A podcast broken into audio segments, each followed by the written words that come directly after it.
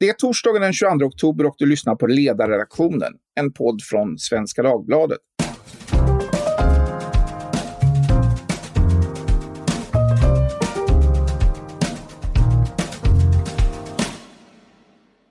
Jag heter Fredrik Johansson och idag kommer vi att prata om antisemitism.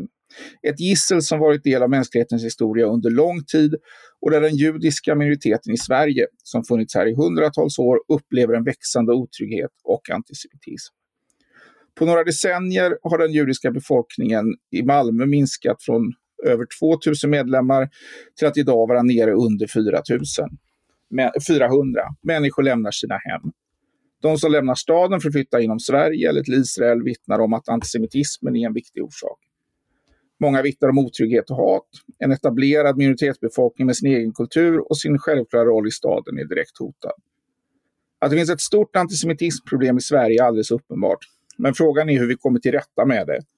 Stora förhoppningar ställs till olika typer av upplysningsaktiviteter och inte minst att skolan ska spela en central roll för detta. Med mig idag för att diskutera denna fråga har jag Eli Gönder som är filosofie doktor i religionsvetenskap med inriktning mot islamonologi och Mellanöstern samt verksam vid Timbro och Segerstedt-institutet vid Göteborgs, eh, Göteborgs universitet.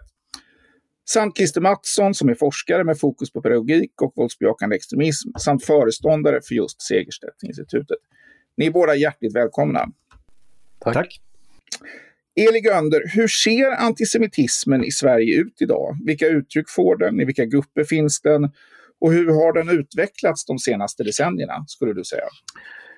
Eh, den är ju, eh, jag, jag, tror att eh, eh Christer Mattsson refererade till en rapport eh, sist han tillfrågades.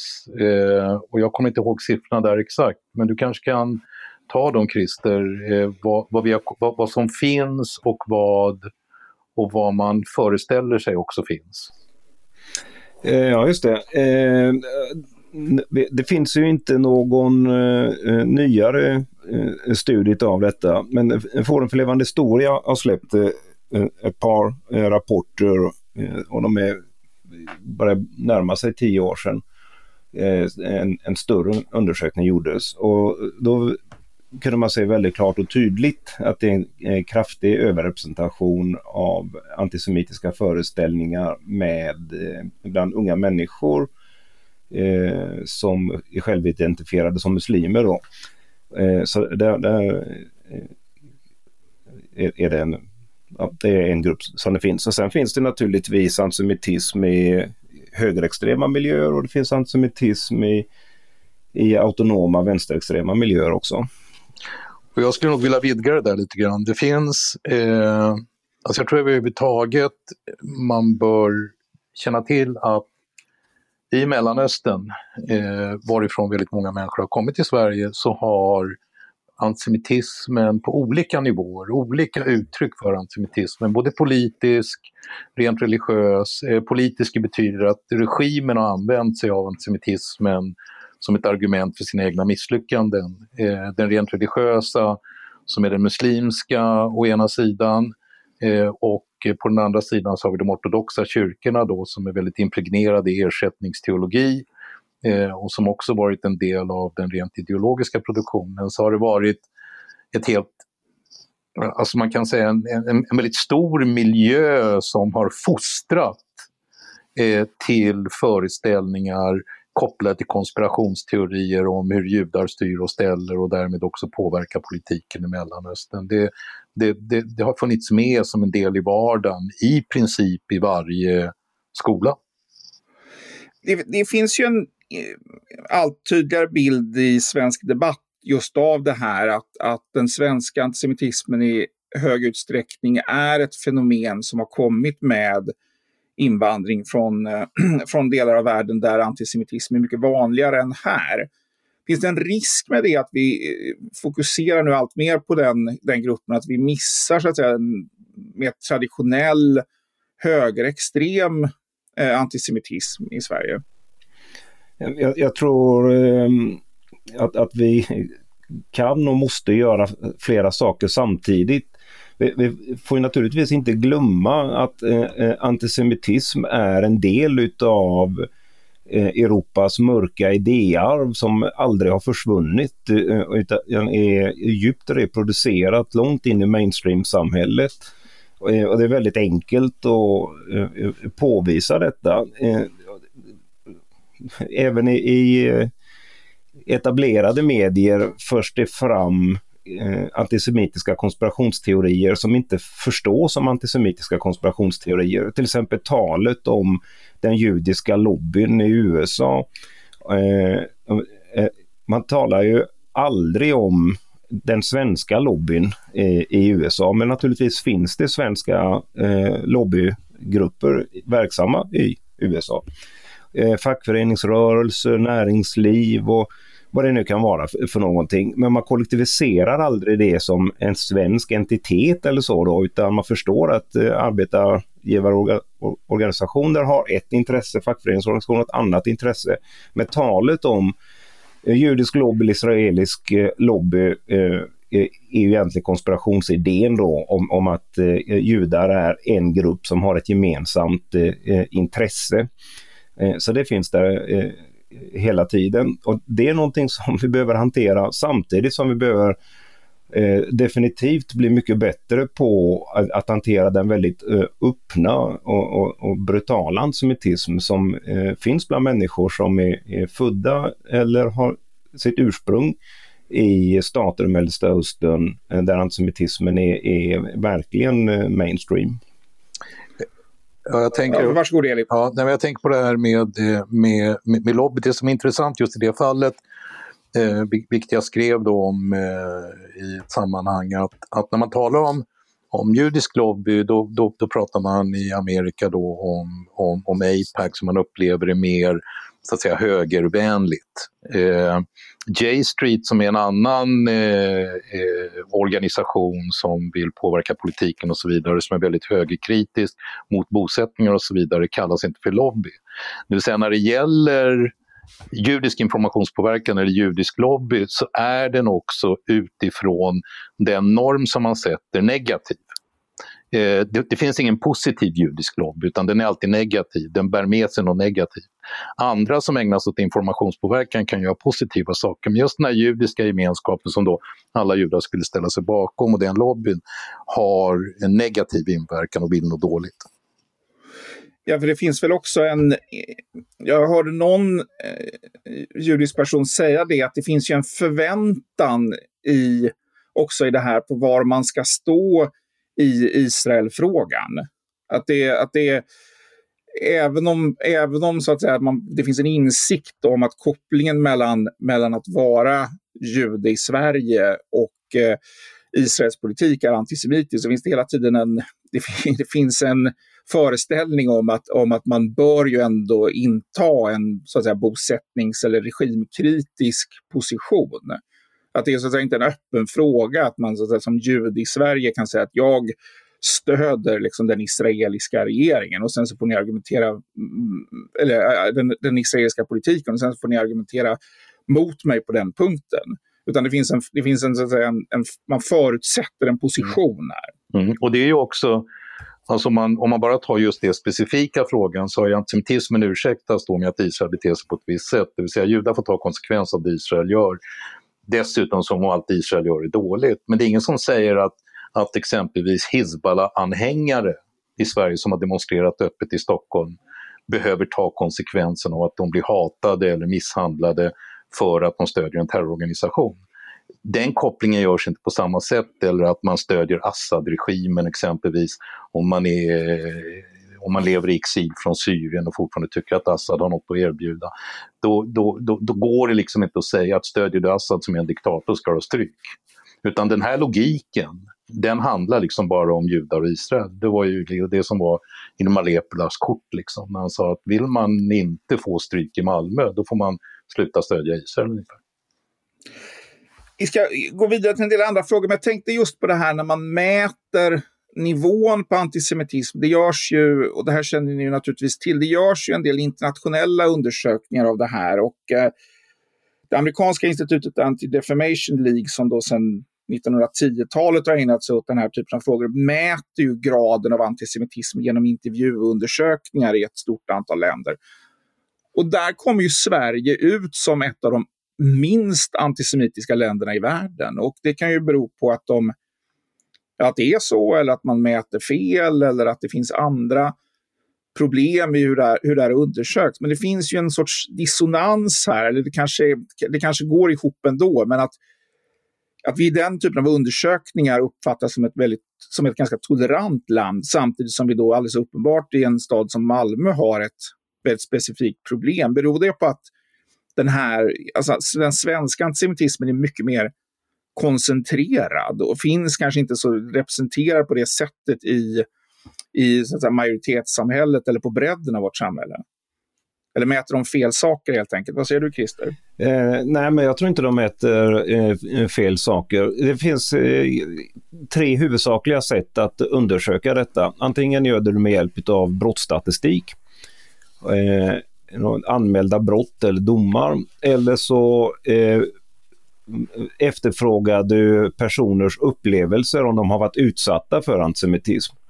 Eller så gör man någon form av intervju eller enkätstudie där man undersöker eh, antisemitism, antisemitiska tankesentiment eh, i befolkningen i stort. Det sista är ju det som brukar användas eh, när man gör vetenskapliga studier och där kommer Sverige ut lågt. Sverige är inte ett land som sticker ut eh, antisemitiskt när man mäter på befolkningen eh, som helhet. Däremot har vi en betydande koncentration av antisemitism bland människor med rötter i Mellanöstern. Och det är någonting som vi ganska sent har börjat eh, eh prata om. Men eh, det finns en del sådana studier, det behövs ytterligare sådana eh, studier. Så, så, jag tror inte bilden är, är, mer komplicerad än så varför vi får olika siffror. Mm. Har du någon kommentar till det, Elin? Nej, det är väl att, eh, alltså jag vet inte hur procentsatsen ser ut eh, på den totala befolkningen, men Nej, men de har ju, förlåt att du avbryter, men de har ju en hundragradig skala där, där Sverige får fyra. Ja, precis. Och, då menar jag att, att, de här, att de här grupperingarna som Christer talar om, som är koncentrerade, de försvinner liksom i den stora mängden, så att säga. Så att om man flyttar fokus och tittar bara på de som ser annorlunda ut. Och där är också, den, den typen av undersökningar visar ju också att om man tittar på, på, eh, på nivåerna i Palestina, då, på Västbanken och Gaza eller i Jordanien eller en, andra länder i, i Mellanöstern, Iran och sådär, då har de ju, jag tror Iran har 60 och, liksom, och de här Israels grannländer ligger i storleksordningen bra bit över 90 en del av dem. Så att det, det är klart att det, det, det är inte svårt att pussla ihop så att säga, den här, även den svenska bilden i, i, den, i den statistiken. Men om vi ska gå över till att diskutera hur man då kommer till, till rätta med detta, hur man så att säga, avradikaliserar antisemitiska föreställningar. Um, och det är ju en, alltså man funderar lite grann på det, så det är ju, det, antisemitism är ju en närmast är en metafysisk föreställning. Det handlar om att det är krafter och förhållanden som, som i hög grad ligger utanför ja, kanske inte den här världen, men det är, liksom, det, det är en, närmast en sådan religiös föreställning att världen styrs av krafter som, eh, som ja, det, finns, det finns judisk, liksom en, en judisk konspiration eller judiska krafter som...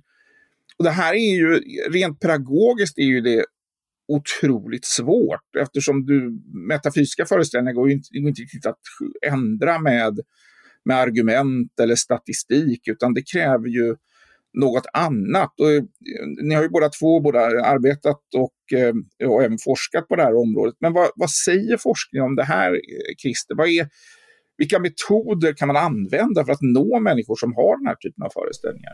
Ja, eh, först och främst så tror jag vi måste konstatera att antisemitism handlar inte om judar utan antisemitism handlar om antisemiter. Och, och judar tenderar väldigt sällan till att vara antisemiter. så det är i sig en eh, inbyggd antisemitisk mekanism när vi tar oss an frågan om antisemitism och ser det som en fråga som handlar om judar. Antisemitism är eh, eh en föreställningsvärld eh, som har påverkat inte minst Europa fruktansvärt negativt eh, och, och, i slutändan eh, drabbar våra samhällen. Eh, det andra i detta, jag eh, håller på med en metastudie av utbildningsinsatser som eh, görs mot antisemitism. Och väldigt mycket av utbildningsinsatserna eh, tar sin utgångspunkt i vad som brukar kallas för Holocaust Education, undervisning om förintelsen. Och när jag tittar på de här insatserna eh, så, så är det tämligen vanligt att man undervisar om förintelsen men inte om antisemitismen. Alltså, antisemitism är, förefaller inte vara eh, Eh, en, en, viktig kunskap att lära sig om hur, den uppstår och vad antisemitism är när du studerar förintelsen. Eh, det i sig eh, tror jag inverkar menligt på, på vår möjlighet att, att motverka antisemitism. Va, om jag förstår det rätt då, så vad du menar är, är just det här att, det att man måste se så att säga, antisemitismen frikopplad från, från, från, från judarna. Att det, är liksom, det, är ett, det är ett fenomen som är frånkopplat från den här världen. Eller missförstår jag det? Ja, nej, visst, ja, dels det och, och, och, när du kommer när du diskuterar eh, förintelsen så tror jag många också uppfattar förintelsen som någonting som handlar eh, om judar och det är klart att det handlar om att, eh, eh, att judar blev offer i, i förintelsen men förintelsen handlar ju om förövarna. Vilka var förövarna? Varför gjorde de det de gjorde? Hur var det möjligt?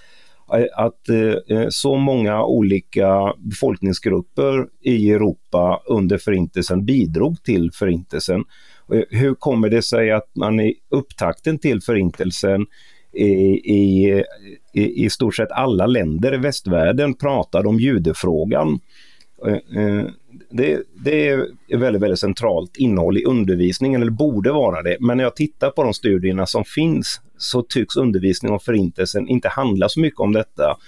Eh, utan då handlar det om alla möjliga offergrupper och, och väldigt mycket om, om beskrivningar om, om, hur mördandet gick till. Så tyvärr så finns det nog inte så där jättemycket bra undervisning om antisemitism som har, har någon större bredd. Jag tänkte, Elin, vill du kommentera det? Ja, jag tänkte illustrera, jag vet inte eh, om, om Christer håller med om att illustrationen är rimlig, men jag vet att min far så länge han levde så var han ju ute och berättade om sina upplevelser av förintelsen, Färens grunder i, i skolor i Sverige. Det var få skolor han missade, men han stötte ju ofta på frågan då, men ja okej, okay, det här är ju hemskt, men vad hade judarna gjort för att utsättas för det här? Eh, och det är ju liksom, någonstans är ju det, av en ungdom som går i skolan så kan man ju förstå att en sån fråga ställs, men det är det som är det intressanta, att, att det handlar inte om judar, det handlar om en föreställningsvärld som man placerade judar i. Vilket i sin tur gjorde att judar hade inte behövt göra någonting. Judar åkte med på grund av föreställningsvärlden, inte på grund av det judiska. Och jag, och jag, och jag, jag tänker att det är där som den här antisemitiska föreställningsvärlden på något sätt behöver frikopplas. Eh, eh, så att det inte finns någon föreställning om att det handlar om judar. Därför det handlar om en bild av vad man anser att judar ska vara. Men reaktioner alltså brottet söker sitt motiv för att ja. också få sin förklaring. Mm. Mm. Eh, vad, det, vad det korresponderar det med det du tänkte Christer? Ja. Men vad tror du är skälet till det här Christer? Är det, är det att, är det någon, vad är skälet till att man inte har, har hittat de här pedagogiska greppen som skulle, skulle fungera? Eller att upply upplysning eller undervisning har varit upplagd på det sätt du beskriver. Vad tror du är förklaringen till, till hur man har arbetat med den här frågan? Jag, jag, jag tror eh, man kan ha nytta av eh, det socialpsykologiska begreppet eh, det fundamentala attributionsfelet. Eh, det fundamentala attributionsfelet lär oss på individuell nivå att vi alltid underskattar våra egna brister Eh, och överskattar andra människors brister. Eller enkelt uttryckt, om jag kommer för sent så beror det på att jag hade otur och missade bussen eller den gick framför näsan. Om du kommer för sent så beror det på att du är en slarver. Det är det man attributifierar eh, den andra med negativa egenskaper. Det fungerar också då på kollektiv eh, nivå. När eh, en person som tillhör samma grupp som jag tillhör begår en klandervärd handling så tenderar jag att se den personen som en avvikare. När en person som tillhör en grupp som eh, jag inte identifierar mig med och som jag kanske till och med tycker illa om begår en klandervärd handling, då kommer jag se den personen som en representant för eh, hela gruppen. Och nu är det ju så att det, eh, det var europeer som eh, genomförde eh, förintelsen. Så under lång tid så har det varit bekvämt att, att, att prata om eh, tyskar som ansvariga. Eh, men det är väldigt oklart vad i, i det tyska som, som, som gjorde detta. Då. Eh, och eh, sedan så har vi eh, kunnat prata om förövare som eh, eh, obegripliga och sen så har vi gärna då fokuserat på offrens lidande. Men vi har inte haft förmåga att undersöka vad det är i den kristna europeiska historien som, som möjliggjorde förintelsen. Därför det handlar om oss själva. Det är eh, det fundamentala attributionsfelet som har eh, slagit till där. Och tittar vi på hur utbildningsmaterialen är uppbyggda så fattas väldigt mycket av det här fortfarande. Eh, men samtidigt ska man nog vara ganska hoppfull för engagemanget är ju ganska stort i den här frågan. Idag är det till exempel vanligare att en svensk tonåring besöker Auschwitzmuseet än att man konfirmeras. Så eh, det är en, en väldigt stor och omfattande verksamhet som, som pågår. Eh, så med lite mer ansträngning här så, så tror jag vi skulle kunna eh, få pedagogisk utväxling på, på det engagemanget som finns bland eh, lärare och ungdomar. Vet vi hur, vilken effekt den typen av resor får? Alltså det måste ju vara en otroligt stark upplevelse för dem ungdomar som gör det, men det är vi finns det någon forskning kring vad det betyder kring den här typen av attityder? Är det exempelvis rätt personer som åker dit eh, och så vidare?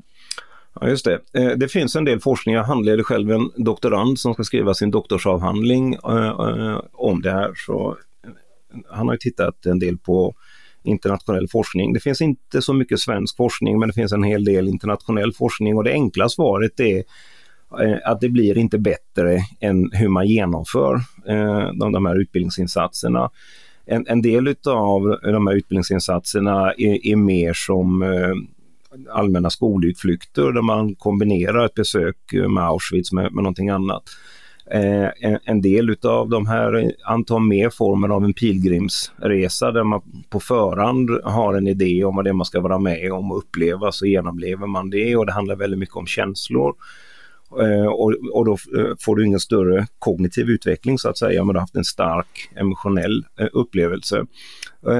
Men så, om, om, du har en, en, en tanke och en idé vad detta är bra för och att man ska lära sig om, om vad det var som ledde fram till förintelsen, ja då tycks det också bli ganska bra resultat i, i de utbildningsinsatserna. Så det finns en, en väldigt stor utvecklingspotential i att göra detta bättre, men då kan inte eh, pilgrims och klassresevarianterna eh, vara så framträdande som, som jag tror att de fortfarande är.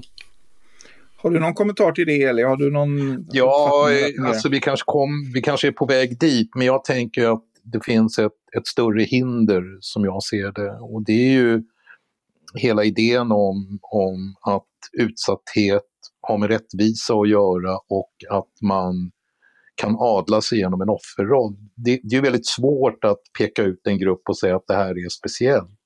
Vi har ett speciellt problem med antisemitismen, utan det finns någon slags press på alla offentliga personer, journalister, politiker att så fort som man ska tala om det så säger man att vi måste bekämpa antisemitismen, hbtq-fientlighet, kristofobi, rasism, bla bla och så håller man på och så urvattnar man alltihopa. Därför är man emot allt är man ju inte emot någonting.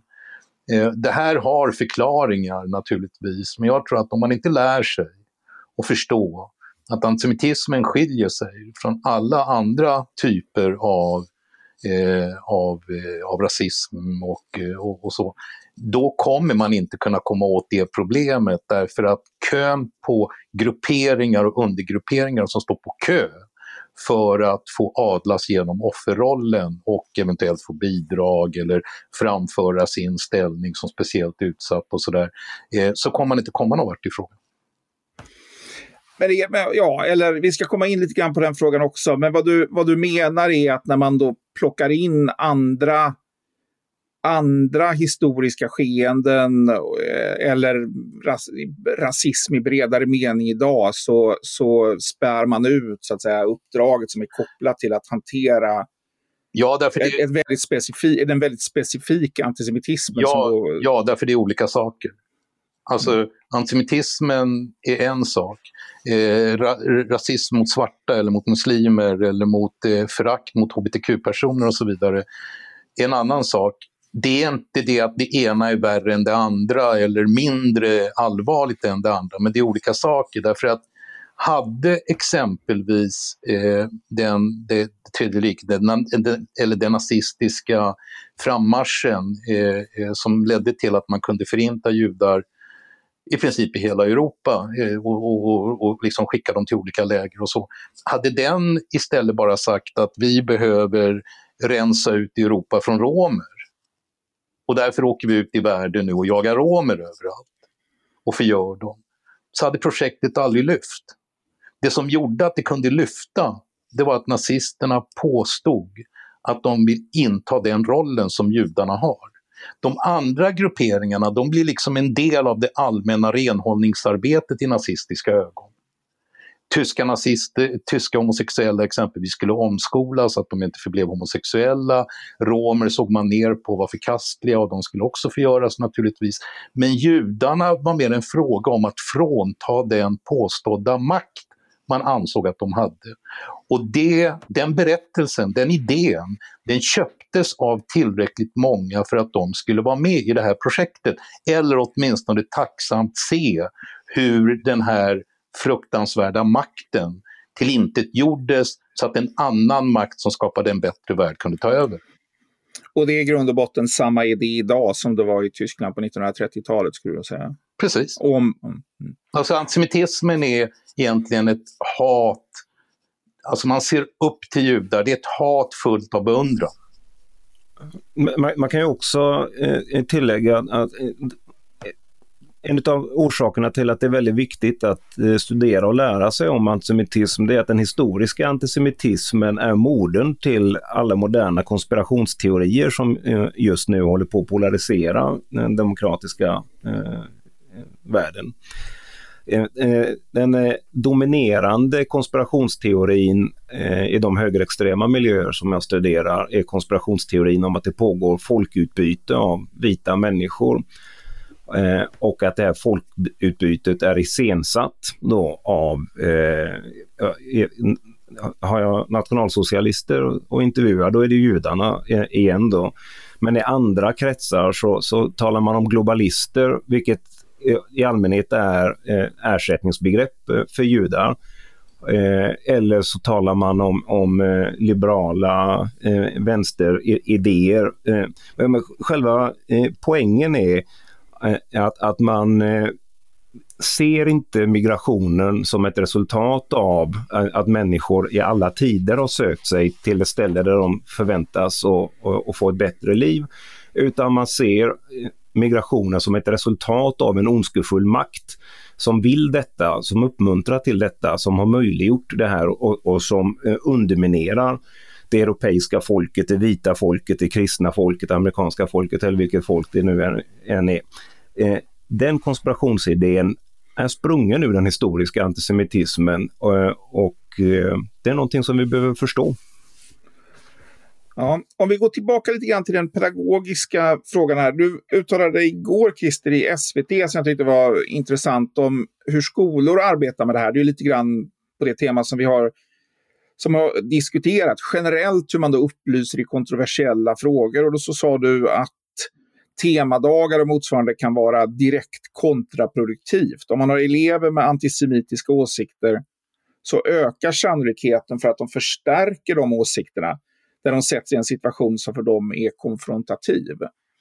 Är det, vet vi det från forskning att det är så? Eller det, jag, tycker att det, det, det, det, jag tycker att det verkar ligga, ligga sanning i det, men det är det, vad, vad, vad baserar du det på? Ja, eh, det, det, finns en hel del forskning om detta och också min egen eh, forskning. Eh, eh, jag studerar radikaliseringsprocesser, människor som har gått in i, i eh, det som vi brukar kalla för våldsbejakande extremism. Eh, merparten av de som, som jag har intervjuat beskriver alla väldigt konkreta situationer eh, i, i, under sin skolgång som har varit starkt bidragande faktorer till radikaliseringen.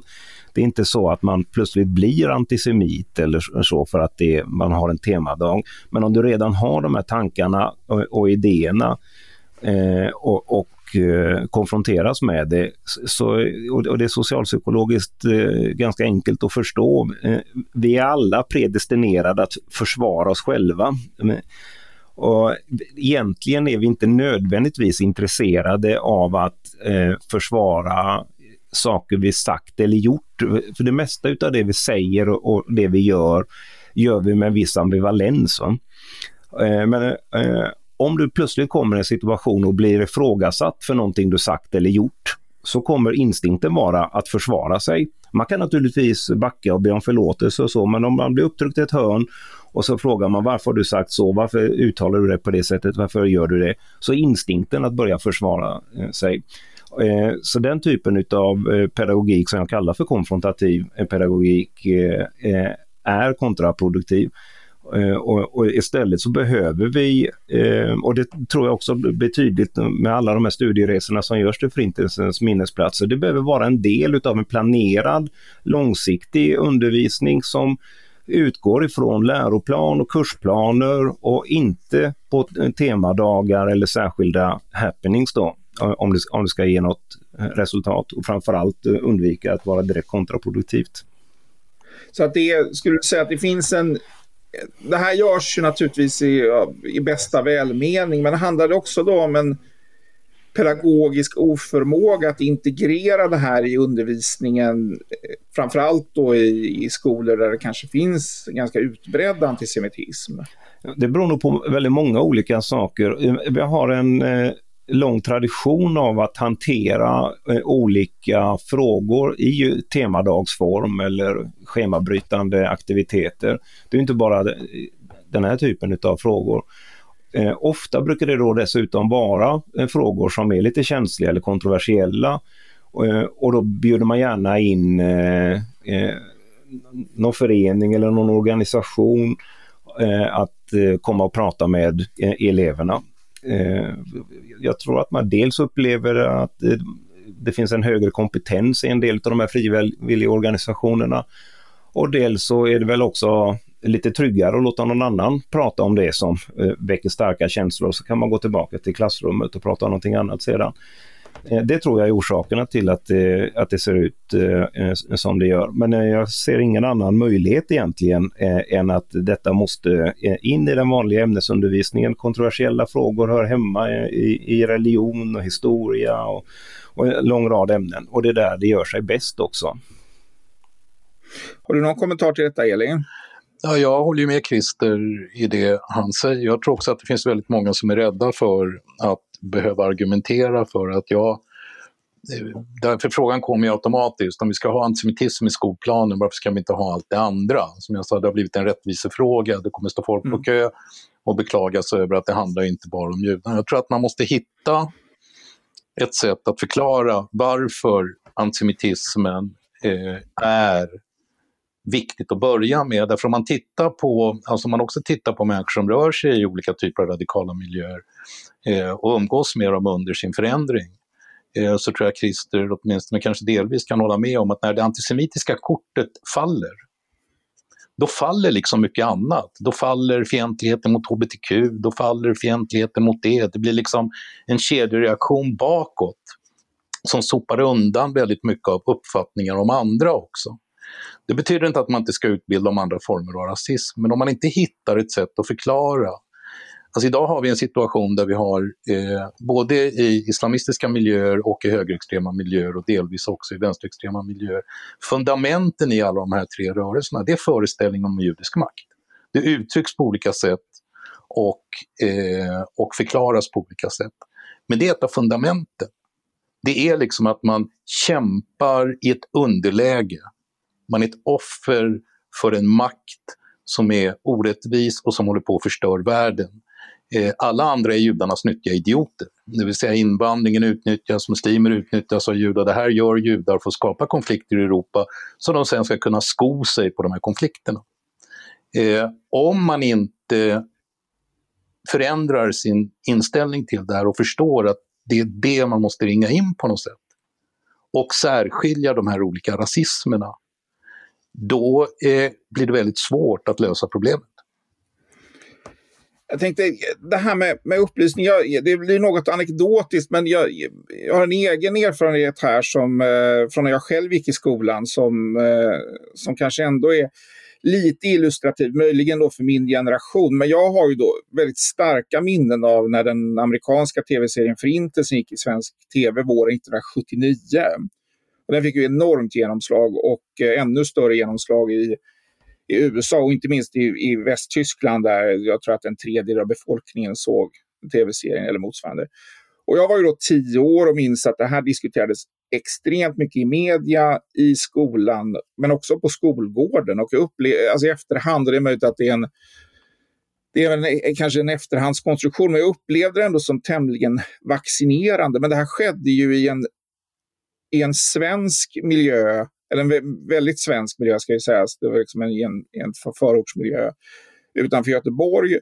Eh, och eh, antisemitism, i alla fall för mig, var tämligen okänt då. Så att det fanns ju ingen, det, det var ju, man var ett relativt blankt papper. Men då kändes det som att det ändå fungerade och var eh, viktigt för, liksom för kanske, ja, vi var ju, rätt, vi var ju barn då, men ändå när det här kom så påverkade det bredare i samhället och eh, fungerande vaccinerade. Är det en, är, är det en möjlig beskrivning? Vad säger du Christer? Ja, det är alltid svårt det här med om, om, om det är vaccinerande och, och, och så. Men jag, jag, tror att det är en viktig poäng att, att skolan är inte den enda arenan eh, som kan eller skall hantera den här frågan utan kulturen i samhället eh, har också en, en väldigt stor påverkan och, och, och definitivt eh, så, så, finns det Alltså, eh, när, när den här eh, tv-serien Förintelsen kom, det är då första gången vi börjar prata, använda ordet Förintelsen i, i svenska. Det fanns inte före dess, Så, så det är klart att det har en, en betydelse eh, och stor påverkan. Eh, men jag har också medverkat i en eh, studie som publiceras nu till eh, eh vintern eh, där vi har intervjuat eh, unga människor med rötter i Palestina, som är alltså unga palestinier i Sverige som har genomgått svenskt utbildningsväsende och deras perceptioner och erfarenheter av att undervisas om Förintelsen. Och de är ju genomgående ganska negativa till att, eh, att, att, ha blivit undervisad om Förintelsen. Eh, men det framträder ett tydligt mönster eh, i det. Eh, de rapporterar själva att när det blev undervisning om Förintelsen så gjorde de motstånd på olika sätt och de ville att det skulle handla om Israel och Palestina-konflikten eh, istället. Och, eh, eh, jag tror att en lösning på, det här är att inte ha det de här temadagarna, för det återkommer också de här berättelserna att vi hade temadagar hela tiden om Förintelsen. Mm. Eh, men att eh, har du den här gruppen så är det väl ganska rimligt att du har undervisning om både Israel-Palestina-konflikten vid något tillfälle och så har du undervisning om Förintelsen vid något tillfälle. Jag tror man hade kunnat förebygga en hel del av de eh, negativa reaktionerna genom att säga att vi kommer till det senare. Men just nu håller vi på med Förintelsen. Detta är Europa. Det är en del av Europas eh, historia eh, som har påverkat Europa och världen i grunden. Därför studerar vi detta. Israel-Palestina-konflikten studerar vi nästa termin. Jag tror faktiskt eh, att, att eh, det är ett stort steg framåt. Eli, har du någon kommentar till detta eller ytterligare? Ja, nej, men jag är väl mer eh, inne på det här med att eh, det, det, är naturligtvis eh, så som Christer säger, men jag är väldigt inne på det här med attitydförändringar. Att, att, jag vet inte om ni minns det, men det var, inte, det, det var väl några år sedan, eh, det var en SFI-skola, jag tror det var i Helsingborg, där en, en elev eh, påminnelsedagen för Förintelsen bestämdes för att ifrågasätta Förintelsen och läraren ville inte prata om det där, som var en vikarie. Eh, eleven eh, blev ombedd att vara tyst, eh, eleven blev kränkt, eh, gick till rektorn och beklagade sig. Eh, och eh, eh, vikarien blev uppkallad till rektorn där han blev informerad om två saker. Ett, att han hade, det fanns en maktasymmetri i klassen som han var tvungen att tänka på därför att han pratade svenska bra, det gjorde inte eleven och det gjorde att eleven kände sig underlägsen för det första och för det andra att historia ser ut på olika sätt beroende på varifrån man kommer i världen och därför så är just såna här saker meningslösa att diskutera därför det står fakta mot fakta. Och jag tror att hade den här eleven inte kommit från Mellanöstern utan hade hetat Kalle Pettersson och kommit från Burträsk, då hade vikarien inte blivit uppkallad. Den här ursäktande attityden att liksom antisemitismen får någon slags acceptans om det kommer från rätt grupp eller från rätt håll. Den gör det hela väldigt problematiskt. Vad säger du Christer, finns, finns det någon... Alltså det, det, här är, det är ju bestickande det som, eh, som Eli berättar, men det, om man nu ska ha en... Om det finns en problematik i den här konfrontativa approachen till frågan, eh, hur förhåller man sig då till, till elever som på det här sättet då antingen försöker sabotera eller ifrågasätta undervisning kring, eh, kring exempelvis Förintelsen? Eh, ja, eh, genom eh, eh, att ha en god planering i, i förväg. Eh, och först och främst så är jag utav den uppfattningen att i ett klassrum, i mitt klassrum, så får alla alltid lov att säga vad de vill. Det några begränsningar då. Eh, det, man får inte lov att uttrycka någonting som är olagligt.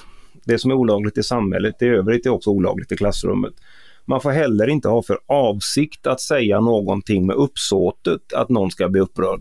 Eh, däremot så kan det vara saker man tycker och tänker som är upprörande. Men det kan uttalas utan att man har avsikt, hela poängen är att, att göra någon upprörd. Eh, det är i sig någonting som är väldigt, väldigt viktigt eh, eh, att, att, utveckla hos eleverna. En, en tilltro och en vilja att framföra sina eh, åsikter på ett sätt som inte syftar till att göra någon upprörd men där det ändå finns en förståelse för att man får lov att ha upprörande åsikter. Kan vi inte lära oss det i klassrummet så blir det svårt att hantera det senare i samhället. Och sen att det måste vara relevant för den undervisning som, som jag håller på med. Jag har en plan för min undervisning och, och, och nu handlar det om, om Förintelsen. Eh, och det är relevant utav så många skäl då eh, att undervisa om, om det i, i Sverige. Eh, egentligen jag tänkte glida över på en... Förlåt. Ja, det, det, är inte mycket svårare än så faktiskt. Mm. Nej. Alltså, eh, får jag, eh, eh vill, vill, du gå vidare Fredrik? Eller? Jag, tänkte, jag tänkte det, eh, för vi, men, men har du en kort kommentar till detta så absolut. Ja, alltså jag vill, det Christer började med att, att, eh, att om du kommer för sent så är du slarvig, om jag kommer för sent så har jag missat bussen. Jag tänker så här att de som har den här förlåtande attityden, det är ju de först och främst som måste förklara varför. Oavsett om det är inom kulturen, eller om det är inom pressen, eller om det är inom skolan, eller om det är bland politiker.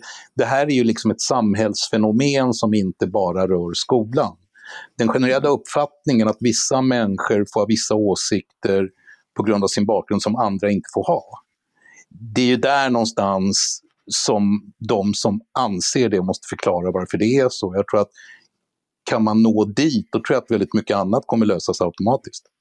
Nej, det ligger nog mycket i det att det är inte, det är inte bara en pedagogisk fråga för skolan utan det är ett bredare samhällsfenomen att hantera. Men jag tänkte gå vidare till en, en annan plattform för upplysningar här, kring de här frågorna, eller en annan offentlig plattform har ju varit Forum för levande historia. Och i en partiledardebatt i juni 1997 så deklarerade då Göran Persson att man skulle starta ett projekt eh, som skulle ägna sig åt nu citerar jag, information om vad som hände under, under andra världskriget, den människosyn som låg bakom förintelsen. Och det blev då Forum för levande historia som etablerades som en egen myndighet några år efteråt och som bland annat då i stora upplagor har spridit skriften om detta och ni berättar om just eh, Förintelsen. Sen har ju det uppdraget utökats eh, och eh, vad man framförallt har lagt på är ju då brott mot Eh, eller brott begångna mot mänskligheten eller mot människor i kommunismens namn. Eh, men inte bara det, för när jag läser myndigheters årsredovisning från förra året så inleds det med citat, under året som har gått har det demokrat, demokratistärkande arbetet stått i fokus. Många aktiviteter har ägt rum på temat demokratin och du. Och jag vet att du, Eli, har, Eh, har, eh, har synpunkter på det här, att just lite grann på det vi pratade om innan, att uppdraget späds ut och att man lägger på, så att säga, på det som från början var ett... Det fanns ju flera delar i det här. Göran Persson tillkallade ju en en stor förintelsekonferens, eller flera förintelsekonferenser i Stockholm i början på, på 00-talet som var verkligen, jag kan inte bedöma det, men som jag uppfattade var på hög vetenskaplig nivå. Och det har sen då blivit, nu, nu är det demokratin och du man ägnar sig åt. Mm. Jag vet inte om du vill utveckla det? Liksom. Nej, men det är väl, menar jag, jag vet ju inte jag vet ju inte exakt hur de argumenterat för att nå dit eller för att den myndigheten ska utvecklas på det här sättet. Men jag har svårt att tänka mig att det är något annat som ligger bakom det än de här attityderna som jag nämnt tidigare. Man vill inte särskilja ett visst fenomen för att det skulle inte upplevas som rättvist. Eh, man vill inte eh, behöva eh, befatta sig med den här kön av, av, av argument för att liksom bli sedd och, och, och, få vara en del av, av, av, av ett förtryck. Eh, och, man, och man förstår inte heller, tror jag, eller ser inte den här skillnaden. Kombinationen av allt det här med uppfattningen att människor med mindre makt än andra Alltså det finns någon slags uppfattning som innebär att man, att man, gör en, man skapar en idé om vem som har och inte har makt. Den som har makt och hatar någon gör det för att den hatar en dålig människa. Den som har mindre makt och hatar gör det för att den reagerar på en oförrätt som den har utsatts för av makten. Och det innebär då att på något sätt så blir det en paradox, därför de som menar att människor som har mindre makt därför att de råkar invandrarbakgrund hatar judar, då har man ju någon slags uppfattning om också att judar har makt. Då är man liksom drabbad av den här antisemitiska föreställningen. Och jag tror att just det som har hänt i det här fallet är en perfekt illustration för hur stort problemet är eh, och hur svårt det är att komma åt just frågan om antisemitismen. Eh, eh och, och, och, och, vilka hinder som, som, eh, som, som har skapat det här problemet. Har du någon kommentar? Som sagt, jag tror inte att detta är forumet i sig själv som har, har drivit fram detta. Det finns ju starka politiska drivkrafter bakom att den här breddningen har inträffat. Eh, så att det är inte huvudsakligen en recension av vad de gör där. Men är din vad är din bild? Vill du kommentera detta Christer? Jag, jag har jobbat ganska många år på Levande historia i, i, tidigare i min eh, karriär. Eh, det kan vi väl konstatera att eh, Levande historia har det instruktionsbrev som det har. Med det här breda uppdraget. Och tittar vi runt om i världen på motsvarande institutioner så är det så att man sätter förintelsen i centrum och att man ifrån den historiska händelsen också kan eh, studera andra folkmord eller dra slutsatser för, för vår egen tid.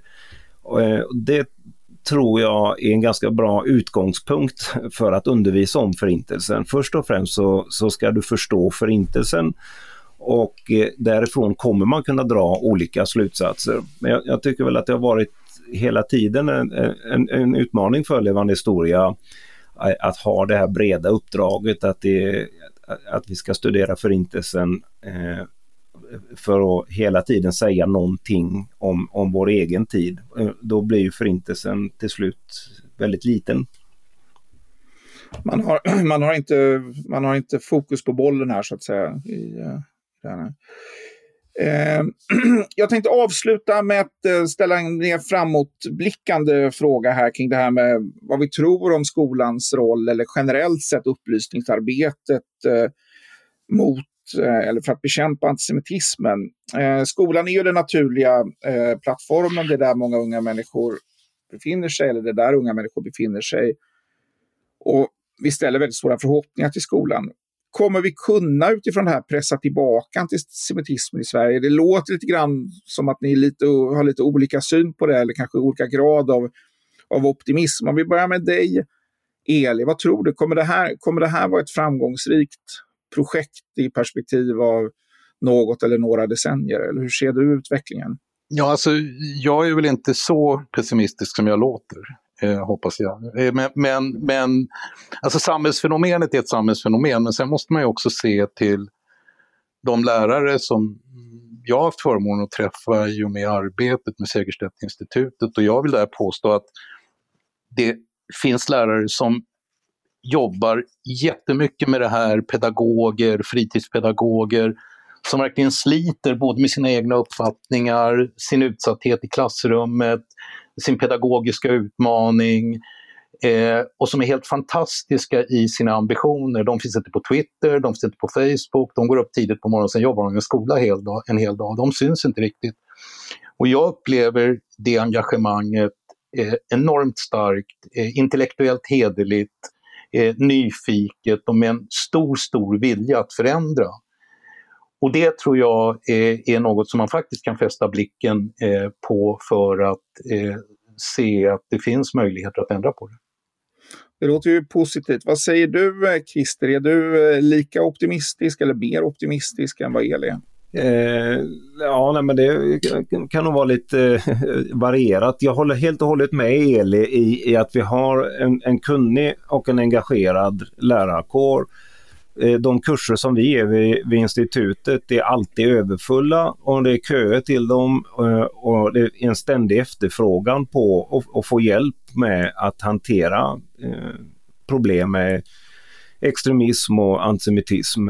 Så, så därvid så, så tror jag att motivationen och energin finns.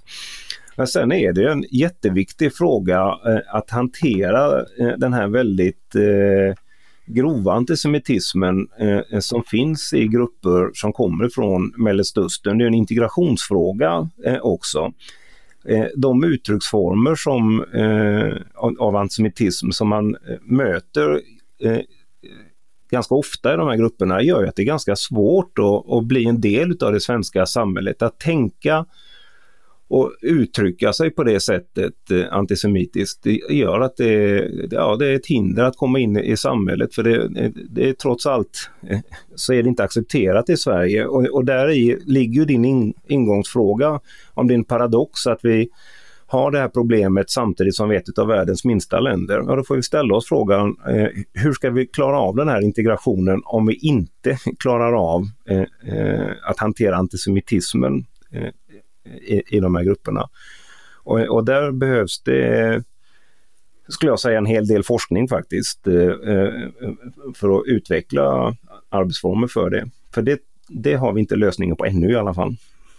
Och det uppdraget ligger också bredare än på skolan, utan det handlar om samhällsdebatt och kultur och eh, och hur, hur samhället överhuvudtaget fungerar och hanterar de här frågorna. För man kan ju säga det att det är på, det är på tämligen goda grunder som, eh, som det här försvårar integration eftersom det är uppfattningar som ja, som, ja, men som är vad de är och som dessutom svenskt, alltså, det finns ett mycket starkt svenskt motstånd här som också i kampen mot antisemitism borde vara en stor tillgång. Att vi har så låg antisemitism i, så att säga, i grunden borde ju vara kanske den viktigaste tillgången för att bekämpa den här frågan. Tack så mycket! Ni har lyssnat på Ledarredaktionen, en podd från Svenska Dagbladet. Idag har vi talat om antisemitism och framförallt hur antisemitism kan bekämpas och tryckas tillbaka i vårt samhälle. Med mig har jag haft Eli Gönder som är filosofidoktor i religionsvetenskap med inriktning mot islamologi och Mellanöstern samt verksam vid Timbro och Segerstedtinstitutet vid Göteborgs universitet. Samt Christer Mattsson som är föreståndare för Sagda Segerstedts institut vid Göteborgs universitet. Jag heter Fredrik Johansson och tusen tack för att ni har lyssnat.